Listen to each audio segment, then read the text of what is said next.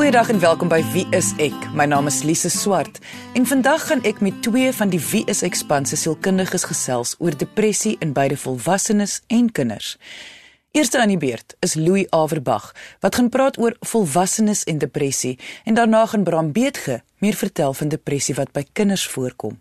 Louis, wanneer ek gaan oplees het oor die nuutste navorsing aangaande depressie, val dit my op hoe die internet gesaai is met bemoedigende boodskappe en verhale van mense wat vertel hoe ander nie moet skaam wees oor hulle siekte nie. Wat my daaromtrent omkrap is dat dit mos aanduidend is dat die wêreld nog glad nie hierdie siekte erken nie. Ek dink daar's breedweg 3 kampe hieromtrent daar is 'n groot kamp van mense wat veg, soos wat jy sê, en sien hulle self ook as depressievegters. Ek hou baie van hierdie begrip, want dit impliseer dat jy nie 'n passiewe slagoffer is van gemoed nie.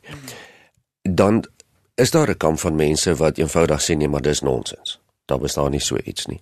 Ek dink daardie kamp is redelik in die meerderheid en die derde kamp dink ek is 'n groot gros mense wat bloot nie verstaan nie, wat net oningelig is hulle verstaan nie presies wat is depressie as 'n toestand nie. En dis dalk daar waar mense wat depressie vegters is baie inligting oordra. En dit is hoekom die tendens in die wêreld tog maar is om te erken of te herken hierdie is regtig 'n ernstige siekte wêreldwyd.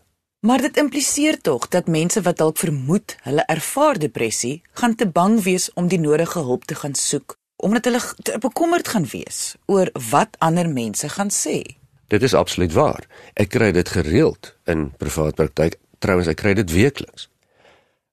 En dit is ook nie mense se verbeelding noodwendig nie. Dit is so dat kollegas by die werkplek, familie, vriende sal reguit vir mense sê: "Ag man, jy verbeel jou net. Ruk jouself reg. Jy's net lui." So dit is ongelukkig. Presies wat dit impliseer. Vir diegene wat nie weet wat die implikasies kan wees wanneer iemand nie die nodige hulp vir depressie ontvang nie. Kan jy net vir ons verduidelik wat die moontlike uitkomste kan wees?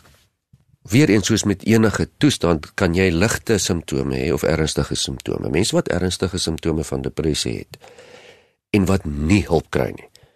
Sukkel feitelik altyd met wat jy sal noem 'n sneeubal effek. Die gemoed raak al hoe laer en laer met soos die tyd aangaan. En mens moet onthou dis gekoppel aan fisiologiese prosesse. Dis nie 'n verbeelding nie. Mens kan dit letterlik waarneem met die regte waarneemmiddels of tegnologie dat mense fisiologies begin afgerem raak en laag raak. Die volgende stap wat begin lei is gesondheid. Want mense begin hulle onttrek, hulle stel nie meer belang om na hulle self om te sien nie. Uh algemene higiëne dalk selfs wat lei tot gesondheidstoestande. En dan die hoë verband tussen depressie op hierdie vlak verder en selfdood. Dan raak selfdood 'n baie realistiese uh, risiko en mense gaan ook vroeër dood, kom vroeër tot sterf. Bloot deur die feit dat hulle so swaar sukkel met depressie. Dit het 'n geweldige impak op die liggaam. Vind jy dit nie ook snaaks dat mense so verstom is wanneer mense hulle eie lewens neem Maar dis baie keer dieselfde mense wat nie agting gee aan hierdie siekte wat ons noem depressie nie. Ja, dit is ongelukkig waar en dit is gewoonlik waar mense dan mosterd na die maal te laat is. Sê genade, die persoon was duidelik depressief. Daar was fout met die persoon. Ek kan dit eintlik oor 'n lang tyd sien nou dat ek daaroor dink. Maar niemand het gedink dat dit so ernstig is nie. Dis wat mense gewoonlik sê. Tog moet 'n mens in ag neem dat wat ander mense van ons dink en sê, het wel 'n invloed op ons gemoed. So wanneer iemand vir my sal skryf en vertel hoe hy of sy medikasie vat vir hulle depressie, maar hulle wil daarmee ophou as gevolg van 'n geliefde wat neerkyk op hulle en sê hulle is swak omdat hulle afhanklik is van medikasie. Wat sal jou antwoord wees? Met ander woorde, wat kan so iemand vir 'n geliefde sê? Die scenario wat jy skets gebeur weer eens gereeld. Ek sien dit letterlik weer eens weekliks. Uh selfs tot op die vlak waar iemand sal sê, "Maar ek en my man of ek en my vrou was saam by die psigiater gewees." Uh maar my vrou sê vir my by die huis, "Ek moet dit maar liewers nie vat nie." Of ek moet liewers dit net neem as ek dink dit is regtig nodig. En om een of ander rede dink ek verbind mense medikasie vir depressie met jou gedagtes of jou persoonlikheid. Net bloot omdat jy dit nie fisiologies kan waarneem van buite af soos 'n arm wat gebreek is nie. En mense het die wanpersepsie dat as jy medikasie vir depressie neem, dan neem jy dit vir jou kop. Dit gaan jou gedagtes, jou menswees, jou hoe jy is verander, wat totale mites is, of baie mense sal vir jou sê, "Man, ek hou net nie van medikasie nie." Nou ongelukkig is die probleem hierso dat jy dan vanuit 'n totale oningeligte perspektief meestal geweldige skade aandoen met hierdie tipe opinies. En as dit net onskadelike opmerkings was of onskadelike advies was, was dit in die hak, maar dit is nie. Daardie tipe ingesteldheid kan letterlik mense se lewens kos en het dit al gekos. So maak maar liewer eers seker wat jy sê voordat jy dit sê. Want anders kom jy die persoon wat jy wat jy sogenaamd wil help geweldig te na. Jy luister na Wie is ek met Louie en Lise op RSG 100 tot 104 FM. Ons gaan nie vandag gesels oor die simptome van depressie nie. Luisteraars kan 'n volledige uiteensetting daarvan gaan lees op ons webwerf. Dit is wieisek.co.za. Maar as jy, Louis, een simptoom kon uitlig wat waarlik 'n teken is dat 'n persoon depressie ervaar, wat sou dit wees? Die konstante gebrek aan lewenslus. Die gevoel van dit maak nie meer saak nie. Dit is die kern daarvan. Dis 'n donker swart hond wat jou byt en nie laat los nie en laat voel ag wat niks maak meer saak nie. Depressie is 'n siekte soos hoë bloeddruk, cholesterol ensovoorts. Die wêreld sien dit as aanvaarbaar om vir daardie siektes medikasie te gebruik, maar nie vir depressie nie. Mense wat sê dat hulle nie kunsmatige middels wil gebruik of neem nie, is duidelik nie bewus van daaglikse chemikalieë wat ons inneem in 'n moderne tyd nie. Ons hele liggaam is 'n chemiese elektriese masjien. En al, al dink jy jy neem net natuurlike middels in, dit is nie waar nie. Selfs in die lug is daar nie meer natuurlike middels nie. Jy neem daagliks geweldige chemiese middels in. So, ons lewe nie in 'n ideale wêreld nie. En omdat ons nie ideaal baie tyd het nie, omdat ons nie ideale verhoudings het en ideale werksomstandighede het nie, het ons ook nie die luukse van ideale oplossings of ideale langtermynoplossings nie. As jy dus nie goeie chemikalieë wil inneem nie, maar net slegte chemikalieë luk raak soos wat jy in elk geval doen, dan mors jy jou eie tyd. Dit gaan letterlik oor tyd wat jy mors. Wat ek probeer sê, as jy heeldag met 'n hoofpyn wil sit, dan is dit sekerlik jou keuse, maar dan moet jy nie kla nie. Jy mors net jou eie tyd jy kon eenvoudig hoofpyntablette gebruik het en dit sou die hoofpyn weggeneem het. Ek sê nie jy moet dit doen nie, maar meeste mense het nie die luukse om daardie hoofpyn te onderhou vir 'n heel dag nie. Verstaan ek jou reg dat jy sê jy is ook eintlik teen medikasie? Natuurlik is medikasie 'n tweede beste opsie alle professionele mense wat medikasie voorskryf, skryf dit voor nie omdat dit die beste oplossing in die lewe is nie, maar dit is die beste oplossing vir nou. Die ideale uh, oplossing vir toestande soos algemene angs, depressie is waarskynlik om baie lank af te neem, jou liggaam uit te rus, te werk aan jou verhoudinge ensovoorts en dit sal baie beter gaan, maar niemand het die tyd of die lekse daarvoor nie. So ja, medikasie is nie iets wat opgestel word op 'n standbeeld as 'n oplossing nie dit is deel van die moderne lewe waarin ons leef se oplossings om kunsmatig oor die weg te kom. So mens kan net hoop dat eendag sal ons die tipe wêreld hê waar so iets nie meer nodig is nie. Natuurlik, ons almal wil 'n wêreld hê waar daar nie medikasie nodig is nie, waar daar nie sielkundiges nodig is nie of psigiaters of dokters nie. Maar dit is ongelukkig nog nie daar nie. Hoe het dit gebeur dat depressie die siekte van ons tyd is? dat daar soveel mense op aarde al gediagnoseer is met hierdie siekte? Wel die lewe het gebeur. En dit is nie baie moeilik om te verstaan nie. Om deur die lewe te kom is vir die meeste mense nie 'n maklike proses nie. Dit is maar 'n stryd. En baie mense kry dit nie maklik reg nie. Die meeste mense kry dit nie reg nie. En ons almal weet wat gebeur as jy iets nie reg kry nie. Jy raak moedeloos. En jy gee op. En dan begin jy donker voel. En dis maar wat in die wêreld aangaan.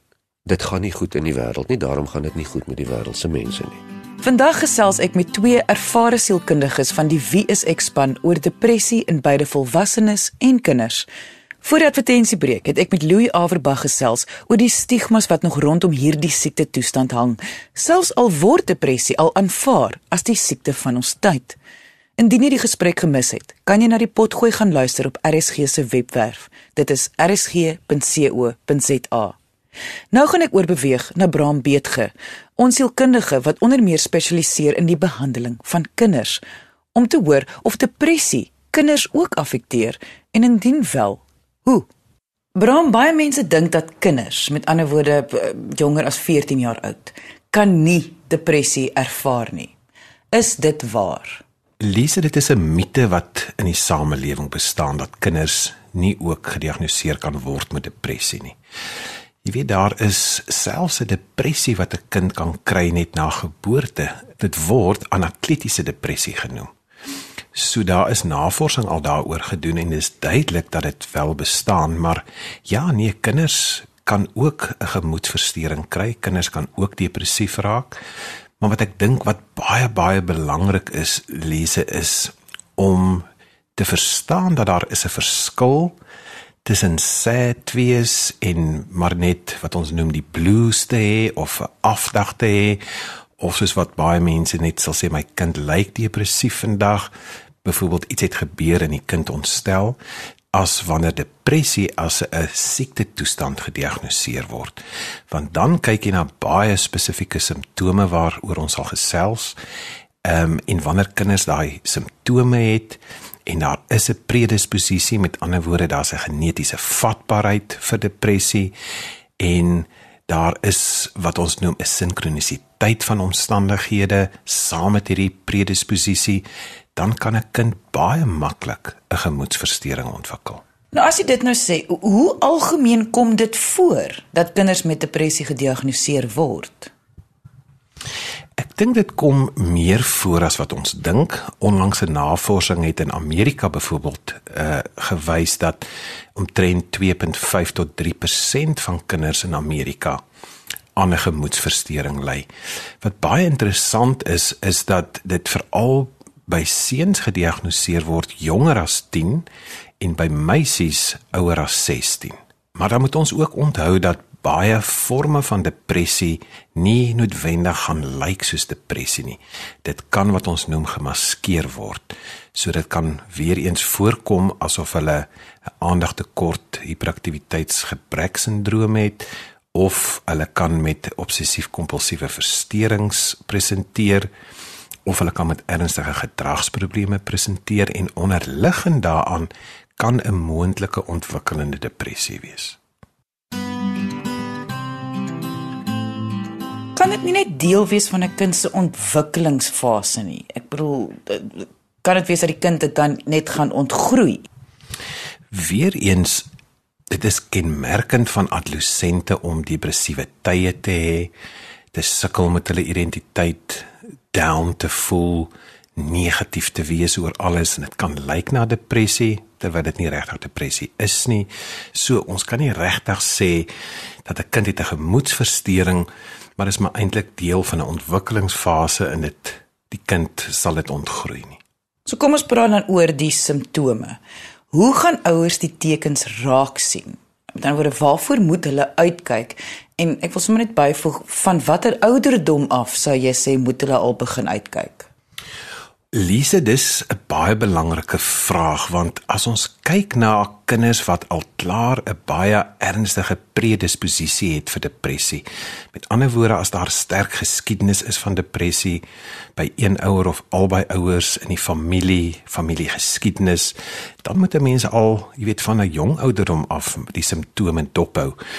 Ons moet ook onthou dat nie al hierdie simptome kom noodwendig by 'n kind voor wat 'n gemoedsversteuring het nie, maar belangrike simptome waarna ons kyk is aanhoudende geïrriteerdheid, aanhoudende gevoelens van hartseer, moed opgee en hulpeloosheid En dan een van die belangrikes is sosiale onttrekking. Hulle onttrek hulle self, hulle stel nie meer belang in goederes nie. Hulle wil nie regtig meer na sosiale geleenthede toe gaan nie. Hulle wil al meer en meer alleen raak. Hulle sensitiwiteit vir verwerping raak erger. So hulle reageer baie intens op enige iets waar hulle voel hulle word verwerp. Dan natuurlik kyk ons ook na hulle eetpatrone as dit baie ernstig afneem of baie ernstig toeneem. Ehm um, hulle konsentrasie, konsentrasieafname is baie belangrik om na te kyk. Lae energie, gereeld moeg, wil nie opstaan nie. Ons kyk ook na fisiese simptome, aanhoudende maagpynne en hoofpynne. Maar weer eens, mens moet versigtig wees want dit kan ook by kinders met angsversteurings voorkom of kinders wat net hoë angs het. Natuurlik kenmerkend by depressie is skuldgevoelens. En daar is 'n vreeslike belangrike aanhaling wat 'n mens altyd hier moet onthou en dit is dat hulle sê to find the depression is to find the guilt. So waar depressie is, lê baie diep gewortelde skuldgevoelens. En natuurlik dit wat 'n mens nie wil hoor nie, maar dikwels hoor by kinders met gemoedversteurings is selfmoordideasies. Hulle praat baie oor die dood. En ek dink wanneer 'n kind daarmee presenteer, moet ouen ouers baie ernstig aandag begin gee. En hulle moet so gou as moontlik die kind in terapie kry. 'n Goeie sielkundige werk altyd met 'n goeie psigiater saam So as dit nodig is vir medikasie ook, dan moet dit bespreek word met die ouers. Jy luister na Wie is ek met Louie en Lise op RSG 100 tot 104 FM. Ek kan nogal dink, veral as dit met 'n baie klein kleiner kind kom, kan of gaan ouers die tekens maklik mis, want hulle gaan dink dit is hoe hulle kind is. Dit is deel van hulle persoonlikheid uh, dat die tekens met deel is van die kind se persoonlikheid. Jy het nou die simptome genoem, maar wat sou jy sê is die heel belangrikste ding om in ag te neem? Lise, wat belangrik is is wanneer 'n kind skielik begin anders raak. Met ander woorde, daar is by die skoolklagtes dat die kind se energie af is. Kinders wil nie meer speel nie. Kinders verloor hulle belangstelling by die huis kan jy sien dat die kind se gedrag is net nie net meer wat die kind se gedrag was nie. En dan moet 'n mens na hierdie simptome wat ek genoem het begin kyk, maar baie belangrik is om te kyk na skoolvordering en gedrag by die huis wanneer dit begin in 'n negatiewe donker wolk omsit, dan moet ouers ernstig aandag daaraan gee. Soos jy weet, is veral ouers teen medikasie gee vir hulle kinders. Kan jy verduidelik wat medikasie kan bied vir 'n kind en of daar ander alternatiewe is in plaas van medikasie? Ek kan verstaan dat ouers baie keer teen medikasie kan wees want ek dink baie keer word medikasie onnodig voorgeskryf. Maar weer eens as ons sit met 'n duidelike gediagnoseerde gemoedsversteuring, met ander woorde depressie wat 'n siekte toestand is, dan wys navorsing vir ons dat die beste beste behandeling is om die terapie been in te bring, met ander woorde dat die kind goeie psigoterapie kry of sielkundige hulp kry en dat dit saam met medikasie gegee word. Maar weer eens is dit baie belangrik dat die sielkundige en die psigiater saamwerk, hulle evaluasies doen En dan moet 'n mens ook vir ouers verduidelik dat wanneer depressie 'n siekte toestand is, dat daar 'n duidelike biochemiese wanbalans in die brein is. Ehm um, en psigiaters en medisy sal ook vir 'n mens verduidelik dat 'n kind of 'n volwassene wat 'n kliniese depressie het, se serotonien vlakke baie laag is. So daar is 'n biochemiese wanbalans waar daar antidepressante voorgeskryf moet word, maar onthou dat 'n antidepressant werk nie soos 'n anxiolytika met ander 'n middel vir angs dat dit onmiddellik die simptome wegvat nie. Dit werk om die biochemiese balans te herstel in die brein. En dit kan 'n proses wees. Jy weet dit kan minstens 6 maande vat om daai biochemiese wanbalans gestabiliseer te kry. Maar wat kan gebeur indien ouers niks doen omtrent die kind se depressie nie? As 'n kind 'n kliniese depressie het, met ander woorde 'n siekte toestand het en 'n mens gee nie daar aandag daaraan nie, dan is dit amper krimineel vir my om nie hulp te soek vir 'n kind nie. Ehm um, mens moet onthou hoe hoe langer jy wag om 'n kliniese depressie te behandel, hoe ernstiger raak die simptome en dit kan 'n geweldige negatiewe invloed hê op die kind se toekoms, op die kind se skoolwerk, op die gesinsfunksionering. En eintlik wat jy basies doen, is jy ontken 'n baie belangrike proses wat by 'n kind begin ontstaan wat wys op 'n wanbalans. En as 'n mens dit nie doen nie, Lise, dan tree jy nie regtig in die beste belang van die kind op nie. Jy weet dit is presies dieselfde as 'n kind diabetes het en jy behandel nie die diabetes nie. Ehm um, so jy tree nie in die kind se beste belang op nie. En depressie is nie anders nie. Jy moet daar in die beste belang van die kind optree. Louis, voor ons afsluit, het jy enige laaste gedagtes wat jy met ons wil deel oor depressie? Dit sal vir my lekker wees en baie belangrik wees as ons tog net vir eens of vir altyd oor hierdie oudtydse argument kan kom van is depressie nou 'n realiteit of nie. Ehm um, jy leef in 'n dwaalwêreld as jy dink dit is nie 'n fisiologiese toestand wat miljoene mense affekteer nie. So my behoefte is of my hoop sal wees dat ons net verby daardie punt kan kom dat mens meer oplossingsgerig kan kyk as om nog te stry oor bestaan dit of bestaan dit nie. Om gediagnoseer te word met 'n sielkundige toestand is niks om oor skaam te wees nie. Die wetenskap wys duidelik vir ons dit is nie iemand se keuse nie en definitief ook nie hulle skuld nie.